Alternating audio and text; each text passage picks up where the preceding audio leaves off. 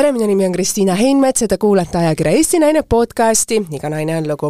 ma proovin iga reede tuua midagi erakordset ja midagi teistmoodi ja võib-olla täna saatesse tulevate külalistega hakata puudutama ka mõndasid teemasid, mis on nende inimeste elus praegu väga oluliselt kohal ja mis kõnetab ka väga paljusid just selle saate kuulajaid. ja täna meil läheb siis eetrisse saja kaheteistkümnes saade, mõnes mõttes on see hädaabinumber, ja meil on stuudios just väga õige naine, sest tema elu mõnes mõttes pöördus üleöö teist teistsuguseks ja neid hetki, kuidas ta noore emana mõtles, et appi, ma vajaksin abi või ma tahaksin helistada ka üks, üks, kaks, et kuidas ma selle hakkama saan, saamisega hakkama saan, kuidas olla ema, siis tere tulemast mitme Eesti moeajakirja endine peatoimetaja, praegu ainult selliseks korra kõrvalhüppe teinud koduseks emaks, Mari-Liis Helvik.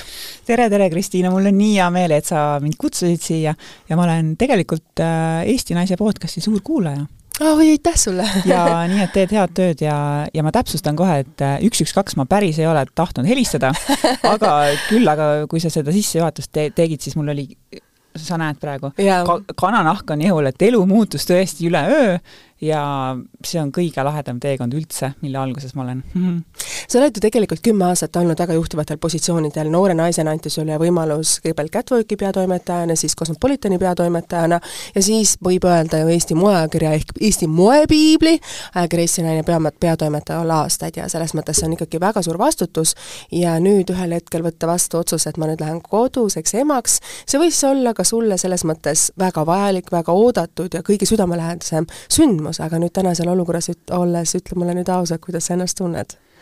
Äh, tead, äh, jaa, loomulikult äh, ma olen töötanud palju, ähm, erinevates väljaandetes olnud ajakirjanik, toimetaja, peatoimetaja, aga see emaks saamine, see ei ole ju töö, eks mm. -hmm. et see on ikkagi isiklik, isiklik elu ja ma ei ole üldse sellel teemal rääkinud ennem mm. -hmm. et kogu see teekond ja emaks saamine, aga aga aga ma annan sulle täna selle võimaluse. ma arvan nii, et äh, on üks ilus ütlus, et äh, ema sünnib samal hetkel kui laps, et me keegi ei tea, milline ema meist saab ja mis, äh, ja mis tunded tekivad sellel hetkel, kui sa seda väikest, väikest inimest esimest korda näed ja kõik see, üldse emaks, kuidas ma ütlen, füüsiliselt siis ettevalmistus, kõik see rasedusaeg, kõik need hormoonid, mis möllavad, tundlikkus, mis keegi ütleb, kuidas see mulle mõjub, et see on tegelikult olnud täitsa noh, ainulaadne, ainulaadne teekond ja ma arvan, et kõik naised, kes on emad, nõustuvad siin, et sellist ühte,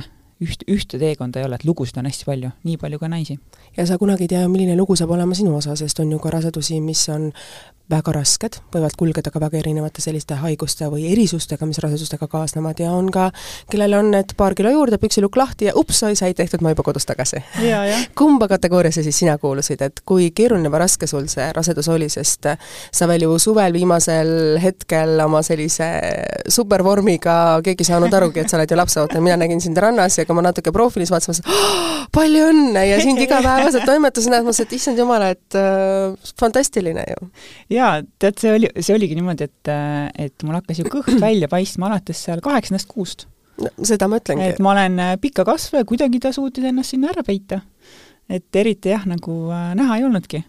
küll aga tegelikult ma sain ju rasedusest teada eelmise aasta, või noh, selle aasta siis jaanuaris, et äh, ikkagi kõik need äh, ja see, selles mõttes läks hästi, et läks äh, kõik äh,, ra-, rasedus oli kerge, ei iiveldanud, ma ei saanud aru, mille, millest siis kõik räägivad, et ah, sa oled väsinud kogu aeg.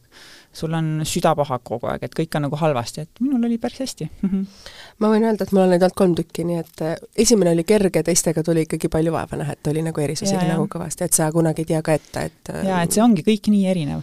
aga lihtsalt jah, mingid sellised asjad, et et ma olen nüüd äh, emaks saades saanud aru, et tegelikult see teekond naisele, see on päris keeruline sa ühel hetkel nagu mõistad, äh, kui äh, asendatav sa oled, noh, kõik need tööasjad on ju, et sulle, loomulikult sulle tuleb asendaja, et meil on suurepärane võimalus kasutada Eestis seda e emapuhkust poolteist aastat, see on ikkagi nagu suur asi, et sa saad olla beebiga poolteist aastat. et paljudes riikides ju ei ole selliseid äh, boonuseid, on ju. Aga et ühelt poolt jah, et sa oled nii asendatav ja teiselt poolt sa oled sellele väikesele imele nii asendamatu, sa oled tema ema. ta vajab sind kakskümmend neli seitse, eks. Et selliste, selliste nagu mõtetega harjumine vajab aega ja vajab nagu mõtlemist kas sa nagu ise planeerid, et ma tahan võtta selle ema, emapuhkusest maksimumi, ma tahan olla oma lapse jaoks olemas, või sa tunned, et sinu sees on selline kihk, et ma tahan nüüd kiiresti tööle tagasi minna, et ma ikkagi tahan olla ainult hästi lühikest aega, sest noh, sinu positsioon ju tegelikult mõnes mõttes natukene nõuaks seda, samas jälle keegi ei heidaks sulle ette, kui sa oleksid see poolteist aastat kodus ja sa saad alati ju tegelikult siia tagasi tulla ja mm -hmm. ise teha selle otsuse vastavalt oma enesetunde ja oma siis selliste emaks olemise vahel limiteerides mm. -hmm. ma ütlen ausalt, ma tegelikult hästi imetlen neid naisi, kes lähevad peale esimest seda kolme kuud tagasi et meil Eesti ühis, ühiskonnas on ka ju nii palju säravaid äh, andekaid, ma ei tea, poliitikuid, äh, teisi ühiskonnategelasi, et kiirustavad tagasi, aga mina nagu mõtlen küll, et äh, mul ei ole küll kuhu, kuhugi kiiret, et äh, et ma ei kiirusta tagasi, aga samas loomulikult äh, tead, kui hea oli siia tulla täna. et näha kõiki kolleege äh,, tulla välja, tulla jälle töö, töö juurde, on ju, töömajja. et, et ma ei kiirusta kuhugi tagasi, aga vahepeal on ikka jube hea midagi kirjutada ka, et ma olen ikkagi hingete ajakirjanik ja mõtlen tihti, et sellest saaks sellise loo või sellest saaks teistsuguse loo. oled sa teinud ka praegu koostööd siis selliseks, sa oled ju, pole kolmegi kuud kodus olnud, sa oled alles olnud kaks pool kuud kodus, et äh, oled sa planeerinud, et kas sa tahaks midagi kirjutada või teha või ikkagi mingil määral jätkata seda jaa, ma tegelikult äh, teen juba.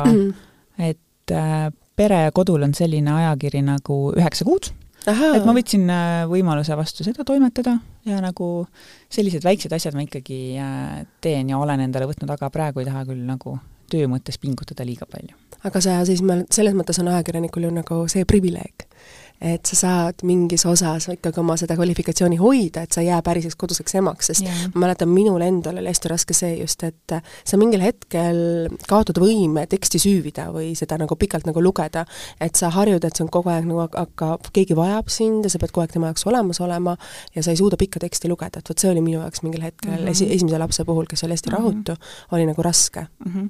no ajakirjaniku töö puhul on ju ka see boonus, et et sa saad teatavas mõttes ikkagi valida teema, teemasid, millal sa kirjutad. ehk ja. et äh, ma mäletan, kui oli see, kui oli aasta algus, äh, kui algas Ukraina sõda, ja siis näidati kohe neid äh, kaadreid äh, sünnitusmajast Mariupolist. ja siis ju keegi veel ei teadnud, et ma ootan beebit, aga mis sa arvad, et mis see värske rase seal sees mõtleb, kui ta näeb selliseid kaadreid, kõiki neid, noh, siia, siiamaani mul on, nad on kõik silme ees. et, et see oli päris nagu karm, aga noh, õnneks töö andiski võimaluse siis selle teemal kirjutada ja nagu mingid asjad nagu niimoodi välja endast saada. sa oled äh, Nõmme tüdruk? ma olen Nõmme tüdruk, jah sa oled lõpetanud Nõmme gümnaasiumi? mida sa mäletad oma lapsepõlvest ja kui sa nüüd täna kindlasti hindad nii mõndagi detaili juba mõne kuuga siin emaks olles teistmoodi, kui veel võib-olla mõned aastad tagasi lapsepõlvest ma mäletan seda, et äh, et mul on siis lapsepõlvekodu on Nõmmel, äh, käisime Nõmme gümnaasiumis vennaga mõlemad ja äh, ja vennaga me kahekesi seal toimetasime, seal enda hoovis, et ikkagi kasvasime seal mändide all ja, ja suhteliselt vabaduses. et, et ma mäletan kodust ka ainult nagu head ja ei ole mingit, mingeid piiranguid ei ole või et me ikkagi, me võisime teha, mis me ikkagi võrdlemisi tahtsime.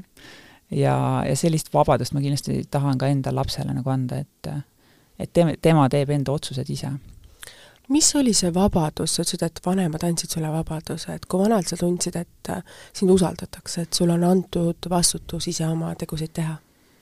ma arvan, et äh, kohe, kui me üldse hakkame mäletama midagi.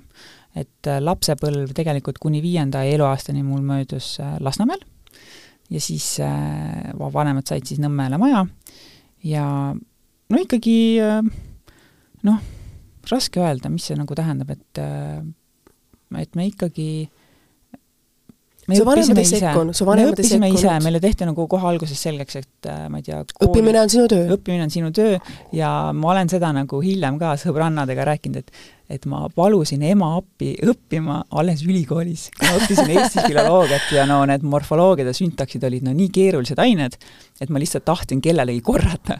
aga et ma ei mäleta, et me oleks võib-olla nagu põhikoolis või eks me kindlasti õppisime koos, aga aga ikkagi see oli nagu, ja hinded olid korras ja et ma nagu tundsin, et mind usaldatakse. ja see on tegelikult hästi-hästi tähtis ju lapsele, et mis võib-olla need sõnad, mida sa ise mäletad, mida su ema näiteks sulle ütles, et või need sõnad, mida sa täna ise meenutad, mida sa tahad oma lapsele anda, sest kui sa vaatad seda väikest imet, siis sa tegelikult mõtled, et ma mäletan ise, kui ma mõtlesin seda, et issand, mis sinust saab või kuidas ma sind kasvatan või kuidas ma hakkama saan ja mis on need väärtused, mida ma tegelikult emana tahaks sulle edasi anda ma mäletan äh, lapsepõlvest, et mu ema alati küsis, kas sul on õpitud, ma ütlesin jah, ja noh, sellised nagu hästi liht-, lihtsad asjad, et kui ma ütlesin jah, siis ta usaldas. ja loomulikult tuli seal ette keskkoolis, et mul oli, ka põhjuseta puudumisi ja siis ta ikkagi oli ka kurjem ja tema ei ki-, ki-, kirjuta neid tõendeid mulle ikka lõ-, lõpuks ma need tõendid sain, aga noh, ka sellise endale oli nagu piinlik, et kuidas ma siis nüüd niimoodi vedasin alt inimest kui palju sa olid popitaja seal keskkoolis siis, et ma mäletan seda, et äh, mina suutsin võib-olla mõne üksiku tunni puududa ja siis ma jäin õpetajale vahele kohe järgmine vahetund, nii et äh, noh, ma käisin ka Prantsuse Lütseumis, kus ei olnud nagu traditsiooniks, aga no ma mitte otseselt sa ei popitanud, vaid sul oli äh,, oli teatud hetkel, et ma ei mäleta, millega need olid nagu seosed, see ei olnud nagu otse nagu popitamine, ehk sellist asja me ei teinud kunagi, vaid ma mäletan, ma jäin õpetajale siis nagu vahele, et ma olin öelnud, et miks ma ei tule, mis oli poolenisti selle põhjus, aga ma olin nagu pool tundi oleks saanud tegelikult olla. et ma mäletan seda, et siis nagu paha tunne on mul nagu sees veel, et mis ja, olid ja. nagu sinul need põhjused või asjad või et ähm, no magasid sisse hommikul? ma magasin, ma just tahtsin öelda, et me ikkagi, see oli aeg, kus me olime saanud enda esimesed äh, mobiiltelefonid ja, ja pinginaabriga, kes mul oli siis teisest klassist kaheteistkümnenda klassini pinginaaber, me saatsime hommikuti selliseid sõnumeid endale teine teisele, et äh, kaks X ja see tähendab siis, et äh, teiseks. Et tema tegi silmad lahti, vajutas mulle sõnumit kaks X ja mina ma magasin südamerahuga e. E edasi teadsin, et mina lähen alles teise tundi ja aga noh ähm,, kuidas ma ütlen, need puudutud tunnid olid äh, peamiselt saksa keele tunnid ja noh, see tõesti meile ei meeldinud, ma ei tea, miks. aga et me läksime tihti äh, teiseks või kolmandaks tunniks just siis, kui olid saksa keeled alguses. ja sa õppisid nüüd Eesti filoloogiat äh,? Jaa, ülikoolis jaa. miks sa selle valiku tegid? Mm,? Seda, et ma tahan saada ajakirjanikuks, see mul oli selge tegelikult äh, kaheteistkümnenda klassi ähm, lõpus ja siis oli selline valik, et äh, ma ei tahtnud minna Tartusse. ma olin võib-olla tõesti, ma olin liiga mugav, ma täiesti tunnistan.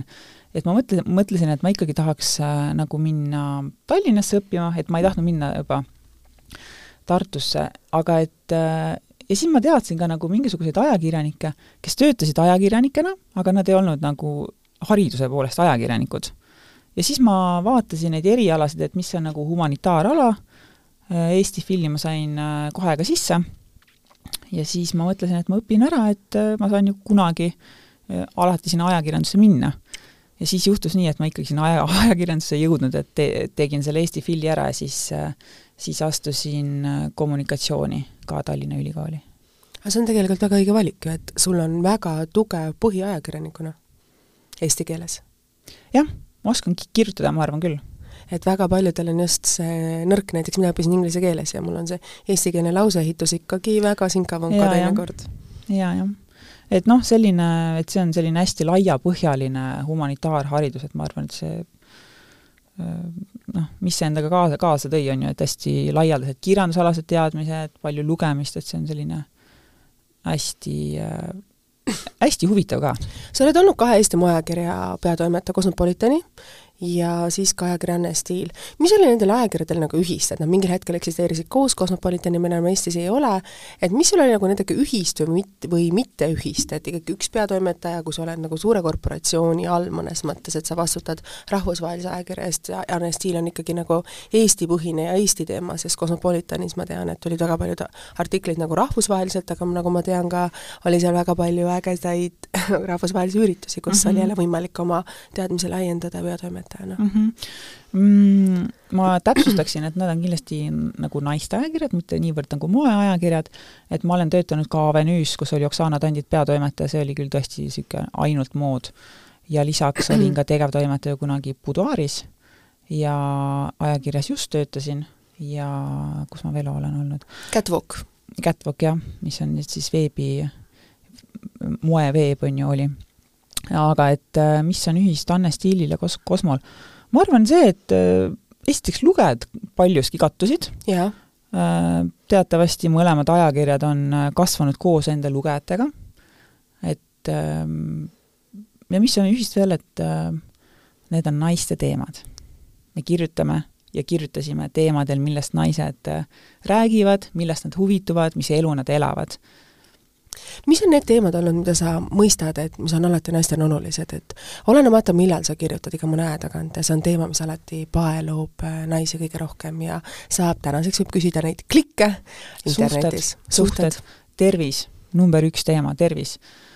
Äh, tervis, suhted, karjäär loomulikult kuidas neid kõiki ühildada, et äh, sa oled ju neid äh, artikleid ise, kuidas öelda, koordineerinud, nende kirjutamist koordineerinud, et kuidas seda ise töö ja pereelu ja kõike seda ühildada, noh, see on ju täna positsioon ka, kus sa ise oled. et noore lapse kõrvalt, et sa küll suudad ajakirjanikuna mingil määral laveerida, aga mis on need põhiprobleemid, et sa ütlesid ka täna siin liftis olles, et oh, ma täna värvisin ripsmed ära. Jaa, no need on valikud, et äh, kes millise valiku teeb kes otsustabki olla seal kodus ja aastaid kodus ja näiteks lapse kolmandaks eluaastaks äh, ta on teinud plaani olla kodune ema ja see on täiesti okei okay.. Äh, samas äh, ma ise tunnen ka, et ikkagi ühiskonna poolt seda survet olla see see supernaine. supernaine, kellel on supersärav karjäär, kellel on paarikuune laps või võib-olla on ju, tal on see karjäär endiselt nagu seal tipus et kõike nagu, kogu see Instagram, mis äh, noh, et sul on nagu, sul on kõik veatu. ma just üks päev nagu mõtlesin, vaatasin seda Instagrami, et äh, nii palju ilusaid noori emasid. ja siis ma vaatasin, mis mul endal nagu noh, mis on see argielu. ja siis noh, sa tegelikult saad aru, et kui palju seda meiki on vaja, selleks fototöötlust on vaja, aega, et üldse see fotograaf kutsuda, näiteks mina ei ole veel beebist pilte teinud, sest lihtsalt ei ole olnud aega. et et see on selline selline asi, mis tegelikult ühiskonda meile peale survestab, et sa pead seda, seda, seda tegema ja nii mõnigi see tubli tüdruk võtab kogu selle asja endale ette ja siis ta jookseb ju tegelikult kokku, see vaimne, kuidas öelda, kollaps on ju väga suur ühiskonna osa, mida juhtub ja. väga paljudes naistes. ja, ja sellest vaimsest tervisest minu meelest emade vaimsest tervisest ei räägita üldse, see on alates juba, ma ei tea, seal sünnitusmajast, mis toimub, on ju, et sul on ikkagi, sul on päevapealt sada kaheksakümmend kraadi ja elu muutub, sul on, sul on õnneks kõik need spetsialistid seal ümberringi, sa pead laveerima, sa pead kõik, no kõik, kõik, kõik, et see on ikkagi mis oli sinu jaoks seal võib-olla sünnitusmajas olemisel kõige äh, raskem, sa mäletan seda, et ma olin ette valmistanud kõik need asjad ja teemad ja kui ma haiglasse jõudsin, siis mulle, minu käest küsiti, et no kuidas või nii, siis ma ütlesin, et nii, ma nüüd olen esmasünnitaja, hakka mulle epiduraali tegema, aga noh, tollel hetkel mulle öeldi, et kahjuks teil ei ole midagi enam siin teha, et teil läheb üks kümme minutit ainult veel. et, et see on ju tegelikult, kuidas sa planeerid kõike ja elu teeb ju teise korrektuuri ja,. jaa, jah teeb, teeb. Nad ikkagi tulevad nii, nagu nad ise tahavad tulla, need beebid. Et äh, mis oli kõige raskem, no ongi see, et sul on nagu, sul on virvarr. Ja praegu ma, ma saan alles aru, et äh, ja noh, ma olen ka lugenud, on ju, et mis toimub na-, naise hormoonidega, kui kogu see sünnitusprotsess toimub, et see on ikkagi, see on ikkagi mega-mega suured muutused, millest üldse naine nagu sünnitusel läbi tuleb. mida sa ise tunnetasid, mis oli sinu enda kogemus, et kui sa oled lugenud, ise mõnes mõttes kirjutanud naiselt naistele mm. -hmm. et mis on need sinu enda kogemused, mida sa nagu mäletad, nagu sellised no, tegelikult toored emotsioonid täna no, veel? peamine e-, emotsioon oli see, et see, et see ei olnud üldse nii, nagu ma lugesin et äh, teatavasti on ju, kui sa oled rase, sulle automaatselt hakkavad äh, ette tulema kõiksugused koolitused, reklaamid, sa oled nagu noh, sa oled turunduse mõttes nagu hoopis uus sihtgrupp ja hoopis uus target, on ju. et äh, Instagramis nägin koolitusi, inimesed kiitsid, võtsin äh, rasedate jooga, erinevad perekoolid, kui, kui meid kuulab keegi, kes on beebiootel, siis Pelgulinna sünnitusmaja perekool, võtke see ja jätke see muu raha endale alles. Et, äh, et hästi palju, palju on niisugust business'it, on ju, selles valdkonnas. päriselt? absoluutselt väga palju, et jah, et äh, et on et... nagu äriks tehtud see, et sa ootad last, täna on ju väga palju just selliseid edukaid naisi, kes saavad noh, nagu ka sina võib-olla sellises mitte enam kahekümnendates, vaid neil on võimalus investeerida, nad tahavad, siis sellest on tehtud äri. no muidugi, see on ju, see ei ole mingisugune saladus, et iga, iga nõustaja teeb sulle enda koolituse ja, ja noh, kui see, kui kiidetakse, siis sa tahad ju teada, mis seal siis räägitakse.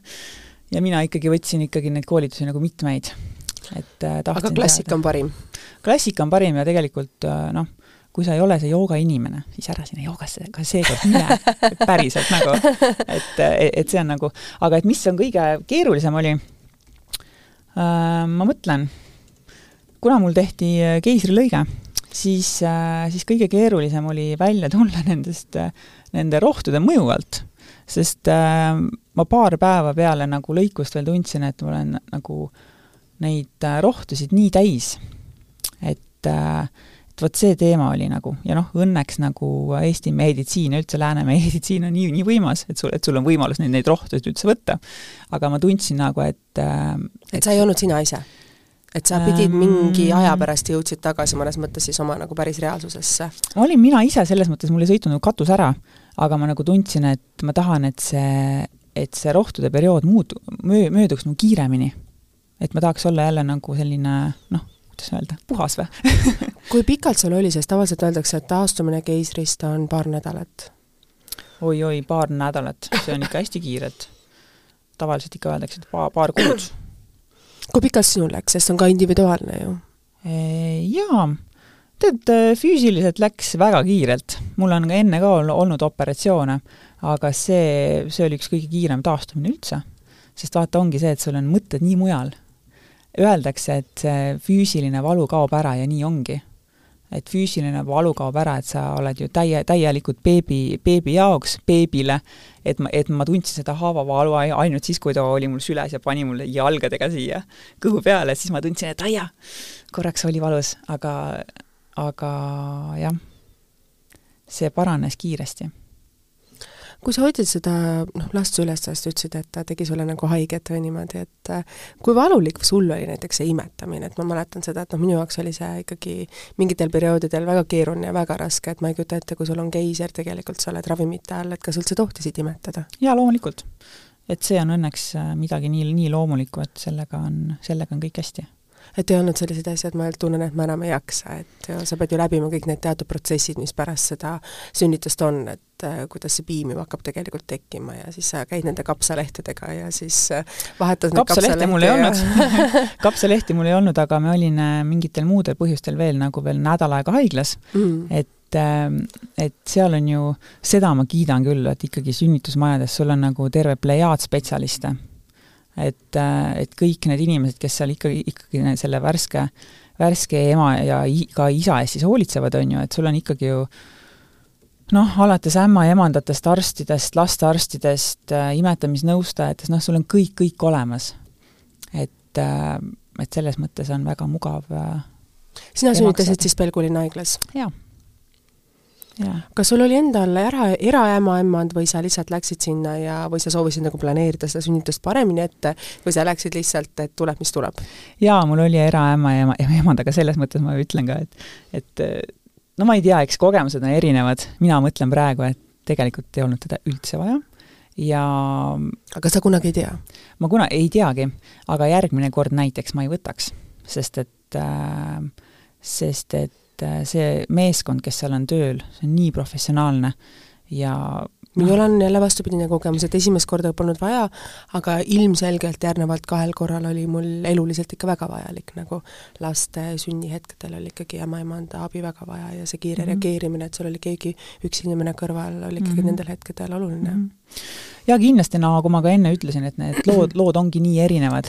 aga et nagu äh, need naised, kes eraämmaemandat ei võta, te saate sünnitatud väga hästi, ämmaemad on teiega, arstid on, gümnakoloogid ka valvel, et kui miskit on, saavad sekkuda, et et selles mõttes äh, huvitav fakt näiteks, mis mu perearst ütles, kui ma käisin siis mm -hmm. hiljem arsti juures, et sada aastat tagasi mm -hmm. olid äh, number üks naiste ja laste surmapõhjus sünnitus. mõelge ainult sada aastat. sada aastat tagasi ja ma arvan, et väga palju on see reesuskonflikt näiteks. jah, eks seal on erinevaid põhjuseid, aga nagu sada aastat tagasi, kui väike aeg see tegelikult ja. on, et äh, paneb mõtlema elu üle kui kerge on tegelikult tänapäeval ja kui palju on meie, meie ümber abi ja tegelikult ka rahu jaa, on, on, on. sa on. rääkisid ka minule väga palju, et sinu jaoks on see vaimse tervise teema hästi oluline ja nüüd, kui sa oled ise kodus, sa ise koged ka seda, et mis on võib-olla need asjad ja detailid, mida sa oled iseenda jaoks seadnud, et need on olulised, et ma ei kaotaks iseennast ära, et ma olen ema, aga et see emadus ei tuleks mulle esikohale ja minu laps, vaid ikkagi ma jääksin naisena terveks, sest kui ma olen naisena ise terve, tasakaalus sisemiselt, siis ma suudan jagada ennast oma pere, oma töö, oma lapsele, oma abikaasale, kui ma ei ole ise terve, ehk ma ise närbun, siis ma ei suuda seda teha, et oled sa kindlasti ka ise mõelnud need teatud asjad välja, mis on sinu jaoks hästi olulised mm? -hmm. See, vaata, kui sa praegu nagu nii ütled, on ju, et, et peab olema nagu ise ja siis mm -hmm. nagu mhm. kõik teised mm,, ma arvan, et et äh, väga paljud noored emad ei mõtle nii. Nad ei ole veel nagu sinna jõudnud mm -hmm., sealhulgas tegelikult ka mina, et ma tean, see nagu teoorias see on nii mm -hmm. ja see peab nii olema, aga praegu on ikkagi see, et ma mõtlen, et nii kaua ta magab, millal, millal, millal ta sõi, millal, mil-, millal me lähme õue, millal ma ise jõuan kähku süüa ära, äh, et ikkagi kogu elu käib ümber beebi aga ma arvan, see peabki alguses nii olema. jaa, loomulikult nagu selles mõttes, aga oled ka sa enda jaoks teinud näiteks teatud olulised asjad, nagu sa ütlesid mulle, et ma iga päev käin duši all? jaa, muidugi et noh, teatud asjad, millest jah, nagu äh, mis on nagu sinu asjad, mis sa panid enda jaoks oluliseks? no kindlasti tuleb enda eest hoolt kanda.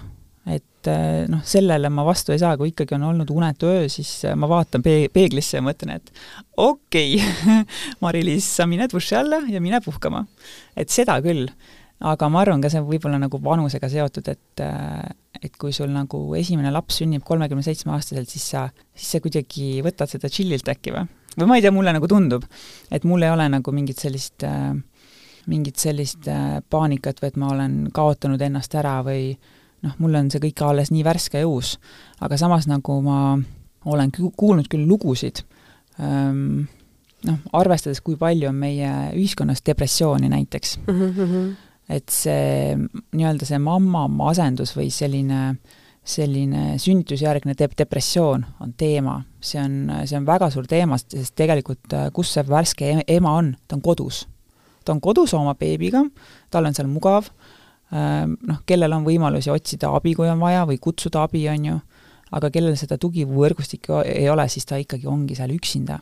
Ja lapsed on väga erinevad, mõni laps ei maga, vahetab selle ööpäeva ära ja sul on kordades raskem, et iga lugu on jälle erinev. mul on praegu nii et no aga see just ei paista seda välja, et, et me oleme ikkagi äh, üleval, oleme me hetkel nagu öösel ja siis katsume magada päeval, aga samas päeval ju tahaks ka mingeid asju teha, tahaks süüa teha, tahaks koristada, tahaks õues käia, et ähm, aga noh, ma tean, et see on kõik ajutine aga mis ongi nagu sinu jaoks nüüd hästi oluliseks olnud, sa ütlesid, et rasedana said aru, et kui sa ikka joogainimene ei ole, siis ei tasu sinna raseda joogasse minna. aga mis sa oled peale, ütleme, selle duši all käimise või ripsmete värvimise või enda jaoks nagu pannud juba paika ette?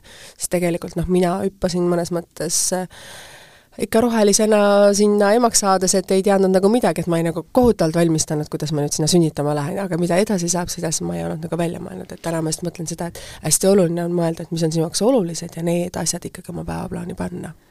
Jaa, loomulikult mulle meeldis väga palju ennem äh, nagu liikuda õues, selle ma olen vahetanud käärutamise vastu trenni minemiseni ma ei ole veel jõudnud, ega ma arvan ka lähiajal nagu ei jõua, et lihtsalt ei ole võimalik, ei ole see, seda aega hetkel. aga et ma katsun ikkagi, äh, kuna meil praegu see ma-, magamine on probleem või nagu teema, siis ma katsun ikkagi äh, päeval teha need uinakud, et ma vähemalt magan natukene mm. -hmm. et uni on oluline? uni on oluline, noh, hästi basic asjad, hästi sellised põhil-, põhilised asjad, aga need ongi tegelikult ju tähtsad. ja hea söök, loomulikult täisväärtuslik toit ähm,, vähe kohvi, maiustusi, kõik sellised asjad ma olen nagu jätnud, jätnud pii-, piiranud või jätnud täiesti välja, et ikkagi äh, hea toit, mis on hea toit ka beebile mis tunne sind valdas, kui sa esimest korda läksid oma lapse juurest ära, ma mäletan, et kui mul beebid sündisid, siis ma ikkagi võtsin nad igale poole kaasa, et nad olid osa minust. ja mäletan seda, kui ma istusin autosse, mul ei olnud last minu juures, mul oli kuidagi nagu tühi tunne või see, et kuidas ma nüüd lähen või mismoodi ma läksin toidupoodi lihtsalt. jaa, e, toidupoes ma olen paar korda käinud ikkagi koos käruga ka võimalik minna. kui, kui äh, pood on lähedal, siis, äh, siis miks mitte.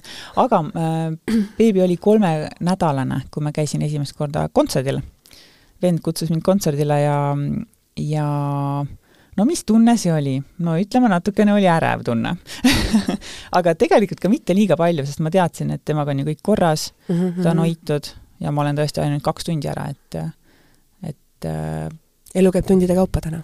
elu käib tundide kaupa ja ma arvan, et aeg-ajalt on vajalik minna ära selleks kaheks tunniks, nagu näiteks ma praegu siia, siia tulin.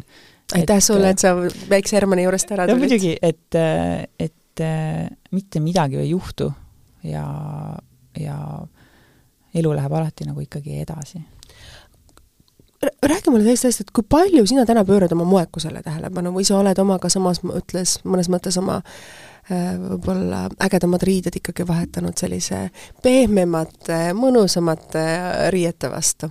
Jaa, kodus on ikkagi aktuaalsed hetkel imetamispluusid äh,, retuusid äh,, äh, dressid, aga neid on ka lahedaid ja, ja seda kindlasti, jaa. et, et noh, moekusele praegu ikkagi ma tulin äh, podcasti salvestusele, siis ma panin valge triiksärgi selga. no see on ju klassika selles ja Karl La. Lagerfeldi see, seeliku wow.. et kui on ikkagi, ikkagi põhjus, siis ma, siis ma panen. see on hästi oluline tegelikult, et kui me võtame selle hetke enda jaoks, et me ei lähe võib-olla selles mõttes äh, kergema vastupanu teed, vaid me leiame ikkagi selle hetke ja kui see riietus on meie jaoks oluline ja välimus on oluline, siis me ikkagi ja. seda endale lubame, sest tegelikult annab väga palju. Jaa, kui ma käisin enda sünnipäeval sõbrannadega restoranis, siis ma ikkagi ka võtsin enda kõige ilusama kleidi ja panin selle selga. et selles mõttes õnneks kõik kleidid jälle lähevad selga. Kui palju sa ise nagu selle oma kehakaalu pärast nagu muretsed, nagu sa ütlesid, et sul oli kerge rahasäedus, noh ilmselgelt me saame aru, et sinu see kehakaal võib olla kõikus seal viissada grammi siia-sinna, mitte rohkem. Äh, aga.... kaheksateist kilo. kaheksateist kilo võtsin juurde ja kaheksateist kilo oli äh, pooleteise kuuga läinud nii, et kakskümmend kilo oli läinud.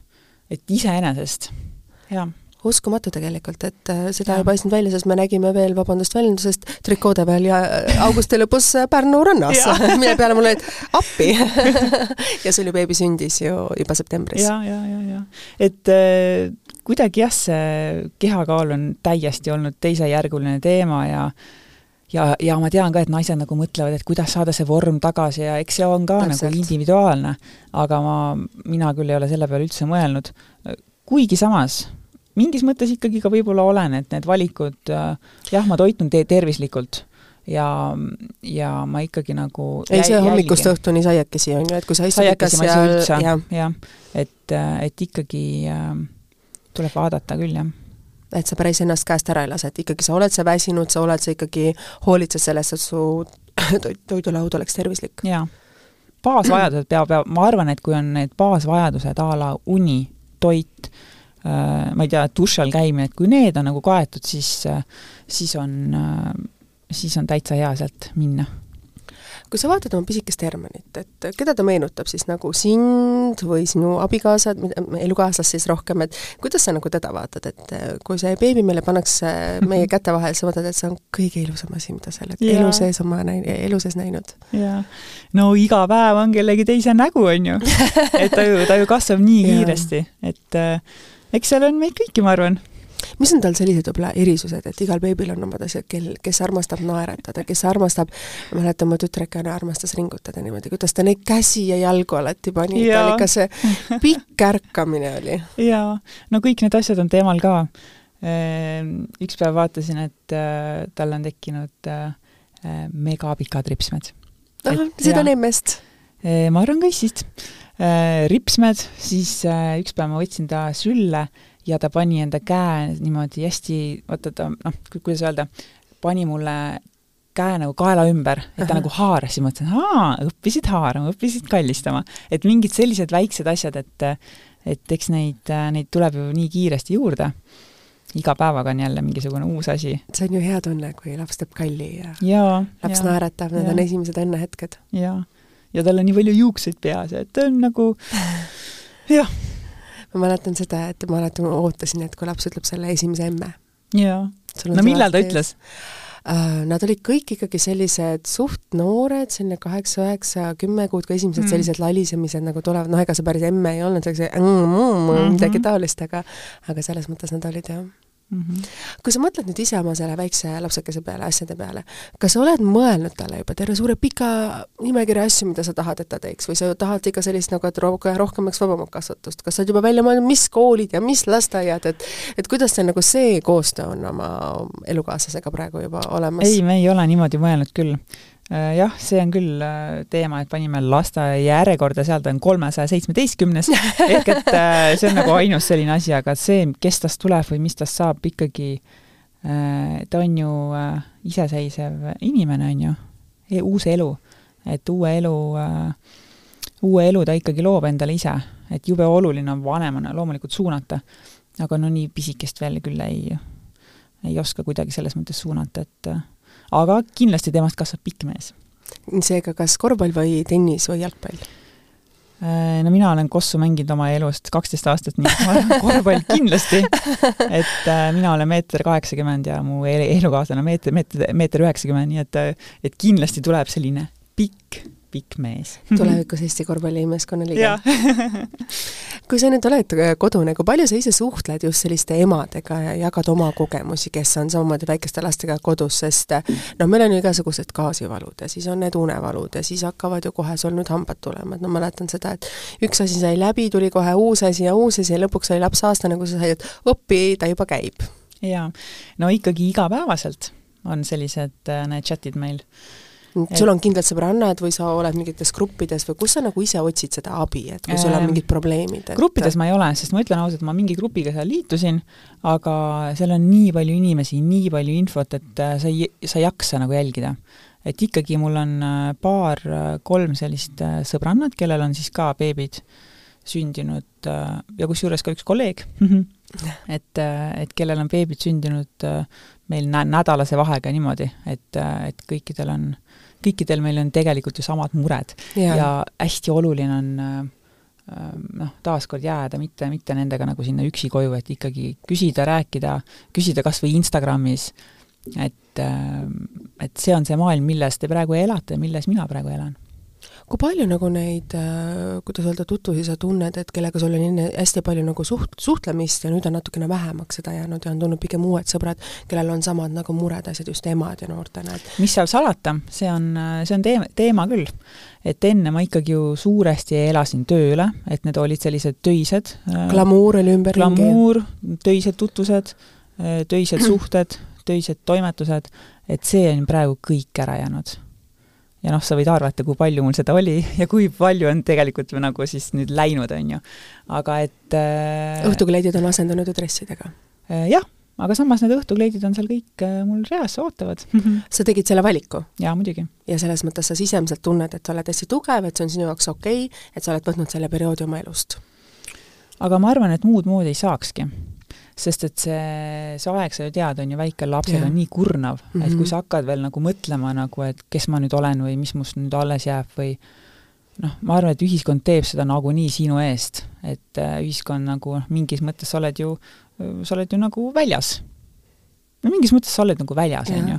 et sa oled ju seal, äh, sa oled seal kodus, elad selle kuuajase või kahekuuse põhimõtteliselt elu, et jube oluline on äh, jätkata suhtlemist ikkagi äh, täiskasvanutega ja kas või nendesamade teiste beebiemmedega? meil on just olnud äh, äsja pealkiri ähm, sellisel ajakirjal, et tolmulapp. ja me kuidagi mm -hmm. põgusalt seda asja nagu mõtestasime, et äh, mina ei osanud nagu selles mõttes nagu seda selliselt vaadata nagu sina, et äh, paljud emad, kes seda võib-olla pealkirja lugesid, mõtlesid, et kas nemad siis on need tolmulapid, et nendel ei ole võimalik oma töö ja pereelu nii hästi ühildada ja hüpata kohe karjääriredelil tagasi. aa, sa räägid sellest Kroonika kaaneloost mm. -hmm mul on väga hea meel, et Eda-Liis eh, sellist säravat elu elab, aga paratamatult eh, noh, et minu meelest tuleks neid naisi, kes teevad valiku jääda koju mm. -hmm. ja jääda siis selleks tolmulapiks sinna tõesti, sest tolmu on vaja püh-, pühkida kodus küll, jah ja teisi toimetusi ka teha, et, et kuidagi, kuidagi me kipume selliseid naisi vähem väärtustama või et äh, ei, kõik ei pea minema tööle tagasi kohe beebiga Ab. absoluutselt, ja ma hästi hindan neid, kes, äh, kes lähevad ja, ja et nad suudavad selle kõik nagu niimoodi toimima panna. mina näiteks praegu kindlasti ei suudaks ja kui see tähendab, et ma olen siis see tolmulaps, siis okei okay,, rõõmuga kui palju tegelikult me naistena saaksime ära teha seda, et me ei kvalifitseeruks, ei lükkaks ja ei lahterdaks neid teisi naisi, kes on valinud sellise kodusema tee ja ei vaataks võib-olla nendelt ülevalt alla, sest ühiskond ikkagi tihtipeale ootab seda supernaist ja kui sa ei kvalifitseeru sinna oma töö, pereelu ja kõikide muude detailidega, siis öeldakse, et ah, sa ei ole nagu see ideaalne või sa ei ole see, kes nagu sobiks Naega reisikaanele, et kui mm -hmm. palju nagu seda sa ise nagu tunnetad? No seda on jätkuvalt palju. et äh, seda on jätkuvalt palju ja alguses vaata, ma mainisin seda Instagrami ka, sotsiaalmeediat. et ikkagi äh, kõik püüavad vähe, olla ideaalsed. hästi vähe on neid kontosid ja neid naisi, kes näitavadki siis, et äh, no tead, meil on vahest ka nagu jama, on ju, et, et seda püü-, nagu püüdlikkust olla nagu olla kuidagi, ma ei ütle ideaalne või kuidagi nagu, et meil on kõik väga hästi ma alati selliste piltide peal ja nagu, nagu selliste lugude puhul mõtlen, et äh, aga kuidas seal tegelikult on. ma olen kindel, et ka seal on neid magamata öid äh,, väsinud äh, ping- vä,, vä, väsimusest või pingest peavalusid äh,, isegi tülisid mm,, noh, seda päris elu et ma arvan, et me võiksime seda päris elu rohkem kuidagi kajastada või, või sellest rääkida. rääkida otse ja ausalt. kui palju sinu elukaaslane sind toetab selles mõttes lapsehoius, et sa oled öelnud seda, et äh, sa oled saanud käia konts-, vabandust, kontserditel, et tema on võtnud ühel kontserdil et kui palju ta sind toetab? beebiga, loom-, loomulikult see on, see on ju, see on ju normaalne, et äh, et ikkagi äh, lapsel on ema ja isa. et või kui ei ole, siis on teised, kes aitavad samamoodi on aidanud mu ema palju, et, äh, et tugivõrgustik on ülioluline, ülioluline kas või see, et ta tuleb, vaatab, see läheb lapsega jalutama sellel hetkel, kui sa magad. ta tuli, tegi äh, näiteks pühapäeval süüa, nii hea sellised väiksed asjad on tegelikult beebiga kodus olles hästi olulised. jaa, ja neid väikseid asju ma julgustangi kõiki, küsige. inimesed aitavad hea meelega, aga lihtsalt nad ei tea, kuidas aidata. ja selleks me peame ise tegema enda suu lahti, et kuule, et tule tee süüa et tegelikult on hästi oluline, et me ei taha olla need tublid tüdrukud, vaid me julgeme öelda nii oma elukaaslasele kui oma emale või sõbrannadele, et tead, ma ei saa hakkama, mul oleks tegelikult täna abi vaja. tubli et... tüdruk ütlebki, kuule, palun aita. tegelikult vastupidi, see tubli tüdruk ütleb, ei, ma saan hakkama, ma saan hakkama, tegelikult on väsinud, ta ei jaksa. et see on pigem see ühiskonna teema, et sa ei tohi kuidagi näida no, et sa jaa. oled nõrk. no jaa, aga ma ikkagi ütlen, et äh, nõrk olla on tugevus nõrk ol-, nõrku olemist tunnistada on tugevus. et see on, kuule, keegi ei oota, kui sul on paarikuune beebi, et sa oleksid tegelikult superhea ema, et selliseid naisi on ikka väga vähe, aga, aga jah, nad paistavad tihti välja. tihti nad paistavad välja, sest nad on avaliku elu te-, te-, tegelased ja nende, nendel on nii-öelda see nagu võim. et äh, minu meelest lihtsalt äh, see, et äh, igaüks võib teha seda, mis tema soovib, kui kellegi soov on minna, minna kohe tööle tagasi, absoluutselt, super aga on ka na-, neid naisi, kes soovivad pühenduda kodule. sa ütled väga õigesti, et olenemata, millise valiku me tegelikult naiste või emadena teeme, iga valik on õige. jaa, ongi, ongi. seda ma tajusin selleks sünnituseks valmistudes ka, et, et kõi-, noh, paratamatult sa kuuled mingisuguseid hirmulugusid, kui õudne mm -hmm. kõik on. kui õudne on, ma ei tea, kõik need asjad on ikkagi mega noh, valusad, õudsad, jubedad ja siis ma mõtlesingi, et äh, ma lüli-, nagu lülitan ennast välja ja mõtlen nii, et igalühel on enda lugu ja ongi enda lugu. on, iga olukord ja. on ka erinev ju, iga laps on erinev ja, ja ka me oleme ise tervislikult ja vaimselt erinevad. kui sa oled nüüd kodus olnud ja sa ikkagi räägid sellest naiste vaimsest tervisest ja asjast, et mida sa ise nagu tunned, et oleks nagu vaja selles valdkonnas ka ühiskonna poolt ära teha? Ehm, ma hakkaksin pihta sellest samast, sellest näiteks sellest perekoolist. et jah, me õpetame, mis, mismoodi, ma ei tea, hingata tuhu, tuhude ajal. no näiteks absoluutselt, ma olin äh, perfektselt teadsin, kuidas teha, et mul ja, ei läinud neid vaja. Äh, mina teadsin ka, kuida-, kuidas teha, aga kui sul see tuhu on peal, siis see on nii valus, et sa ei suudagi hingata näiteks, on ju, mhm. et hästi palju meile õpe-, õpetatakse nagu selliseid füüsilisi teeni äh, noh, et nagu füü-, mismoodi saada hakkama füüsilise valuga, mis on ka nagu jälle tähtis, on ju, aga et, et mismoodi saada saada nagu hakkama selle vaimse pingega või selle vaimse sellest, sellest hormoonide megamöllust äh, tekitatud nagu tunnetega. seda ju, sellest väga ei räägita. et selle, selle, sellest ei räägita, et äh, täiesti vabad äh, võiks need teemad sinna perekooli loengusse nagu panna, et tegelikult noh, kui raskelt me tegelikult seda füüsilist valu elame üle, et füüsilise valuga, nagu sa ütlesid ka eelnevalt ja mida ka mina mäletan, et sa, see ununeb, aga see ikkagi see ära. emotsionaalne asi ja. on sul kaua veel see meeles, et sa elad veel täpselt seda emotsionaalseid äh, hetki, mis sul sellega kaasnes, mis ei ole valu, aga sul on endal sisemiselt psüühiliselt raske mm -hmm. võib-olla endaga toime tulla ja sa ei oska tegelikult ka nendest rääkida jaa, jaa. sa ei oska oma, oma tundeid nagu väljendada nendel hetkedel. jaa, just. et õnneks nagu äh, äh, ma näen nagu ühiskondlikus plaanis juba nagu vä-, väga suuri samme, mis äh, astuvad erinevad äh, spetsialistid ja eksperdid, et näiteks kui ma läksin perearsti juurde, siis ka küsiti, et kuidas sul nagu vaimselt läheb ja kuidas sul nagu ka, ka, kas sind ka keegi aitab ja et sellised nagu sellised küsimused, et kuule, kuidas sul läheb et nei-, need on need küsimused, mi-, mida see värske ema tegelikult hästi ootab ja vajab ja kui ta, kui talt see küsitakse, siis ta, siis ta hakkab mõtlema, et näed, minu nagu see, see, kuidas minul läheb, mitte ainult see, kuidas beebil läheb mm, -hmm. et see, kuidas minul läheb, huvitab ka kedagi see on hästi oluline, jaa. see on hästi tähtis ja sealt saabki nagu alguse, et see on alles uus teema, sest seda veel mõnda aastat tagasi tegelikult ei olnud. ei olnud, ei olnud. aga just ma mõtlengi, et kui see, kui rääkida, nagu hästi palju räägitakse ühiskonnas nagu depressioonist mm, -hmm. aga sünnitusjärgne depressioon on väga teema. väga suur, seda väga palju. Äh, jah, et lihtsalt ma arvan, kindlasti on see aladiagnoositud ja, ja need naised, kes, äh, kes selle all kannatavad, nad tihti ongi seal kodus lõksus aga aitäh, Mari-Liis, et sa siia saatesse tulid, sa ei ole kodus lõksus, sa ei ole siin lõksus, ma tean, et sa pead juba jooksma. jaa, Herman ootab. aitäh sulle! aitäh, kallid kuulajad, et olite selle tunnikese meiega, proovisime siis ühiskondlikke reegleid natukene siin lahti tõmmata, nendel teemal siis diskuteerida, nii emadena, noorte emadena kui ka naistena mõningaid teemasid siis kajastades. aitäh teile, kallid kuulajad, kohtume teiega nädala pärast ja enne tuletan meelde, on meil veel kuuendal detsembril avalik Eesti Naine podcasti avalik salvestus kell kuus, hoidke silma peal meie reklaamil, nii et on võimalik tulla teil ise kuulama, kuidas mina siis saadet teen. jõudu aitäh sulle, Mari-Liis!